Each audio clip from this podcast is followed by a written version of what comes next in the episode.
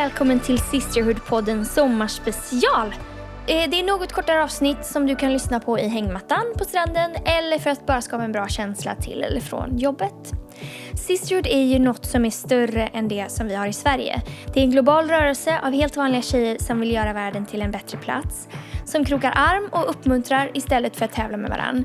Så jag tänkte helt enkelt att ni skulle få träffa några av mina vänner som jag har lärt känna tack vare det som vi är en del av. Som för mig personifierar Sisterhood. Och idag ska ni få träffa Camilla White. Hon är en vacker florist från Paris som råkade bli kär i en pastor. Camille är nu tillsammans med hennes man Brendan, lead pastor för Hillsong Church, Frankrike.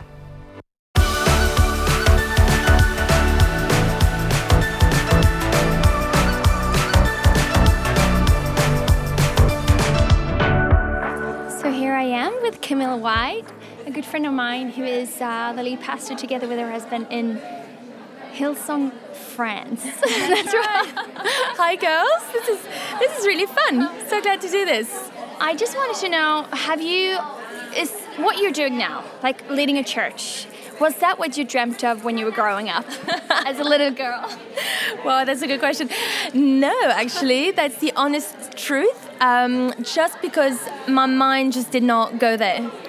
So it's not that I just didn't think about it or anything like that. I just didn't know that was even a possibility, and uh, and yeah, just did life step by step. Didn't really project myself to to really much of that. So um, so no, it just kind of came upon me, and uh, and age 18, basically, I um, really got filled with the Holy Spirit and found a church um, where suddenly just made sense and an understanding of what really church was meant to be and also the community the friendship that was such an impacting thing and then, then I went um, not long after. That's when I um, came into um, the fabulous world of Hillsong, Hillsong Church in Paris, and uh, and that's when I met Brendan and everything else. The rest is history.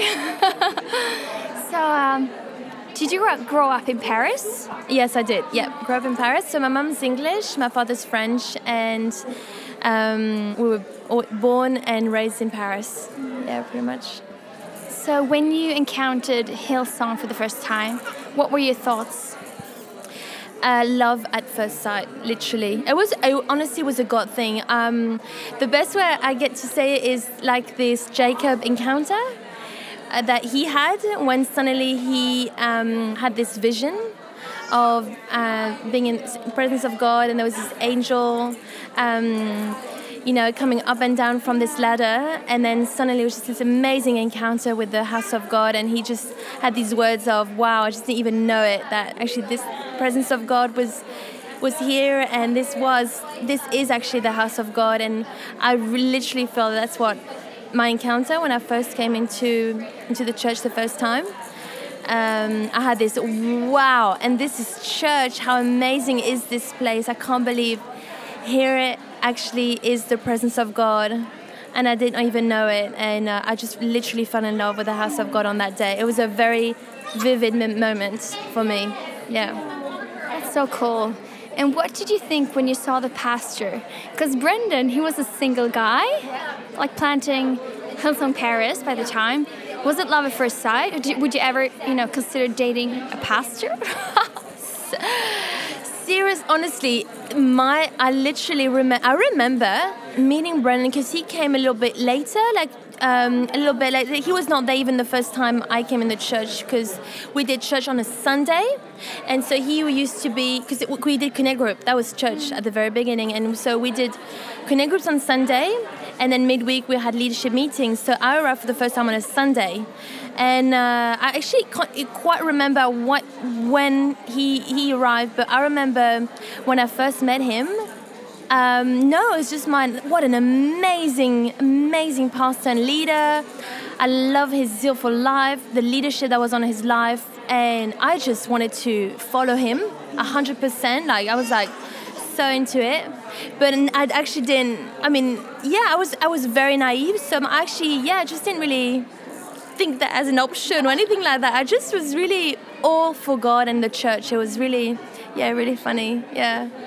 So did he eventually ask you out on a date, or how did it happen? Yeah, well, that's a funny story, really, because um, it's actually a really funny story. He he remember at one point looking at me and thinking, "Oh, she's actually a really great girl," and uh, um, I think there was also a side of him thinking, "Oh gosh, Cami is actually 12 years younger than me. Is that going to be something, or is that a problem or not?" So I think it was it took him it took a while for him to um, to really decide to actually. Uh, decide to have a coffee with me and funny enough that's the funny story is i was quite naive and i actually thought that he was just wanting to have a coffee with me for the sake of a pastor wanting to have a coffee with the people of the church. And uh, sorry, this is my little girl crying. I don't know if Talia. How old is she? I'm just, she's five months. She's cute. I'm just gonna put the dummy in right now, just so we can have a, hey, gorgeous, a little bit more time here with Lena. and um, and so uh, so basically, I thought he did that with everyone in the in the small church. So um, it was it was it was really naive on my side. So it really took me a while to find out that yes, this was a bit more than just a little coffee. Eventually, when he did ask me to go to the movies, that's when I had a bit of a, okay, maybe there's a little bit more to it. But um, yeah, it definitely took a while. Literally, it did, and I, and I love it that way. Uh, he, he lived in London, I lived in Paris, and I love the House of God, the, the group of people that that were there at that stage, and uh, and we just took it. We took our time. Literally, there was no yeah, just take a time uh, for for the relationship to involve. Yeah, that's great. And when you decided that you wanted to get serious, kind of getting engaged or getting married, did you consider? You know, did you think about just I'm just marrying this Brendan guy, or did you think about you were marrying a pastor? Um, no, I. What I well, that's the thing. I what I love about our world and even the leadership in our world is that you never I never felt like I had to be something or do something. Uh, there was never a label or pressure to be something else or what I should be like. So what that's what that's that's the, the beauty of our, of our church really is because you you end up little by little taking confidence on yourself and and actually just full, the love the love for his house and and the leadership the way it's done it just makes you want to step by step actually do more and, and, and, and go towards that. But um, back at the time, I was a florist. That's what I studied to be, um, yeah, be a florist. And um, and it was never like, oh, okay, you're gonna have to stop doing that. And you know, now that we're married, it was like, you know, okay, just let's just see how it goes. And so, no, I fell in love with Brendan, and I definitely loved what we could do together and that was that one thing was to build the, the house of god. Yeah. I love that. And you didn't put any pressure on yourself to be someone that you that you weren't? Or did you feel just released to be who who you are? Yeah, yeah, I did actually. I did. I have to admit though, each time I went to to London because when we he took me a little bit to be exposed to this to this world. Um, I was, you know, whoa, okay, this is this is this is really really something else. But um, like I said, just because I, I never saw, you know, with Pastor Pastor Kathy in London, she was so gracious and just lovely. There was no, oh, this is what you have to do, or this. I grew, I grew in, into into it. You know, it's like when we mums could probably relate to that. You know, we buy we buy shoes to our kids, and at the beginning, you know, you never buy shoes that are you know too small.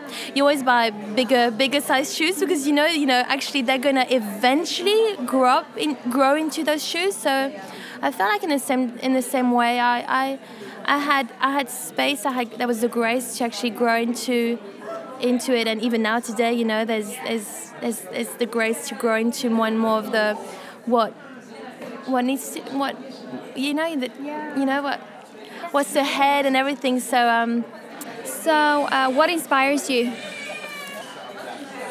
What inspires me being here right now at Color definitely. What inspires me? Lots of things. I um, you know, I just want to keep on being this this girl who keeps on saying yes oh yeah, I want to be the, the girl that God can actually um, say, okay, I can entrust her. I can see, I can, I can see her. I can. He sees us, and you know, He loves us all, absolutely. But I suppose He's also watching for the ones who are gonna put their hands up um, to be able to use use by Him in such a critical time. Right now, this Sunday. Um, coming we've got elections. You know, I was just um, that's really something that's on my mind, and in that context, I'm thinking, okay, well, how how a critical time for the church to be everything that she's meant to be, beautiful, tall in stature. So this is uh, maybe a really long question, but if you can give a short answer to, you have three small girls, and tanya is here with us. Yeah. And by the way, she was not the baby who was crying. If you heard a baby crying, that was not tanya She's happy here with us, Talia. So uh, how do you do it with three children and living this big life? Do you have any like tricks or tips, or how do you? Yeah, yeah. Well, more than ever, yes. This season, honestly, I am really enjoying my baby girl. She's five months. There's a lot going on, but um, I've just decided to make sure I was not gonna, you know, just do so much that I was not gonna just take in that that baby newborn because I actually love that newborn season stage. What I'm doing though is I'm taking each day as it as it as it as it is. Like I'm not you know, I, have got an understanding of everything that needs to be done, but I've decided to take each day as it goes. And because I know there's the grace sufficient for, for each day. So, because um, otherwise I actually can't handle the, oh my gosh, the, you know, when I look at the week and potentially all the different, you know, things, I might go, oh, okay, this is, okay, I'm not too sure. But then when I go each day as it goes um, and really ask the Holy Spirit to come alongside, I mean, in this season, it's, it's looked a bit different. My time with God, since her birth, yeah, it's it's maybe not exactly what I used to do before, and but that's okay. There's actually grace to do it a little bit different with your time with God in this season. So it's maybe shorter times in the Word of God, uh, longer time in the shower, uh, praying, but um, but that's okay. That that works. That works. I know there's there's that grace for that season. So yeah, and I just want to enjoy it, you know, honestly. Enjoying doing the best I can in the moment I've got. And, um, and yeah. Love it. So, last question. If you could give an advice to yourself 10 years ago, what would it be? So, that was when I was 21. Gosh, 21. Um, oh, I think it's just potentially just what, what I'm keep on into reminding myself, but it's got to do with being yourself. Be okay at being yourself. In Jesus' name, yes. I love that. Thank you so much, Cami and Talia, for being on the Sisterhood podcast. Talk to you soon again. Cami får allt att låta vackert. Och hon får det här med att vara mamma att se otroligt enkelt ut. Jag älskar det hon sa om att man ibland behöver växa in i saker, precis som barn ibland behöver växa in i ett par nya skor. För tänk om du och jag kunde ge oss själva utrymme att inte kunna allt direkt, utan faktiskt ge oss tid att växa utan att döma ut oss själva på en gång.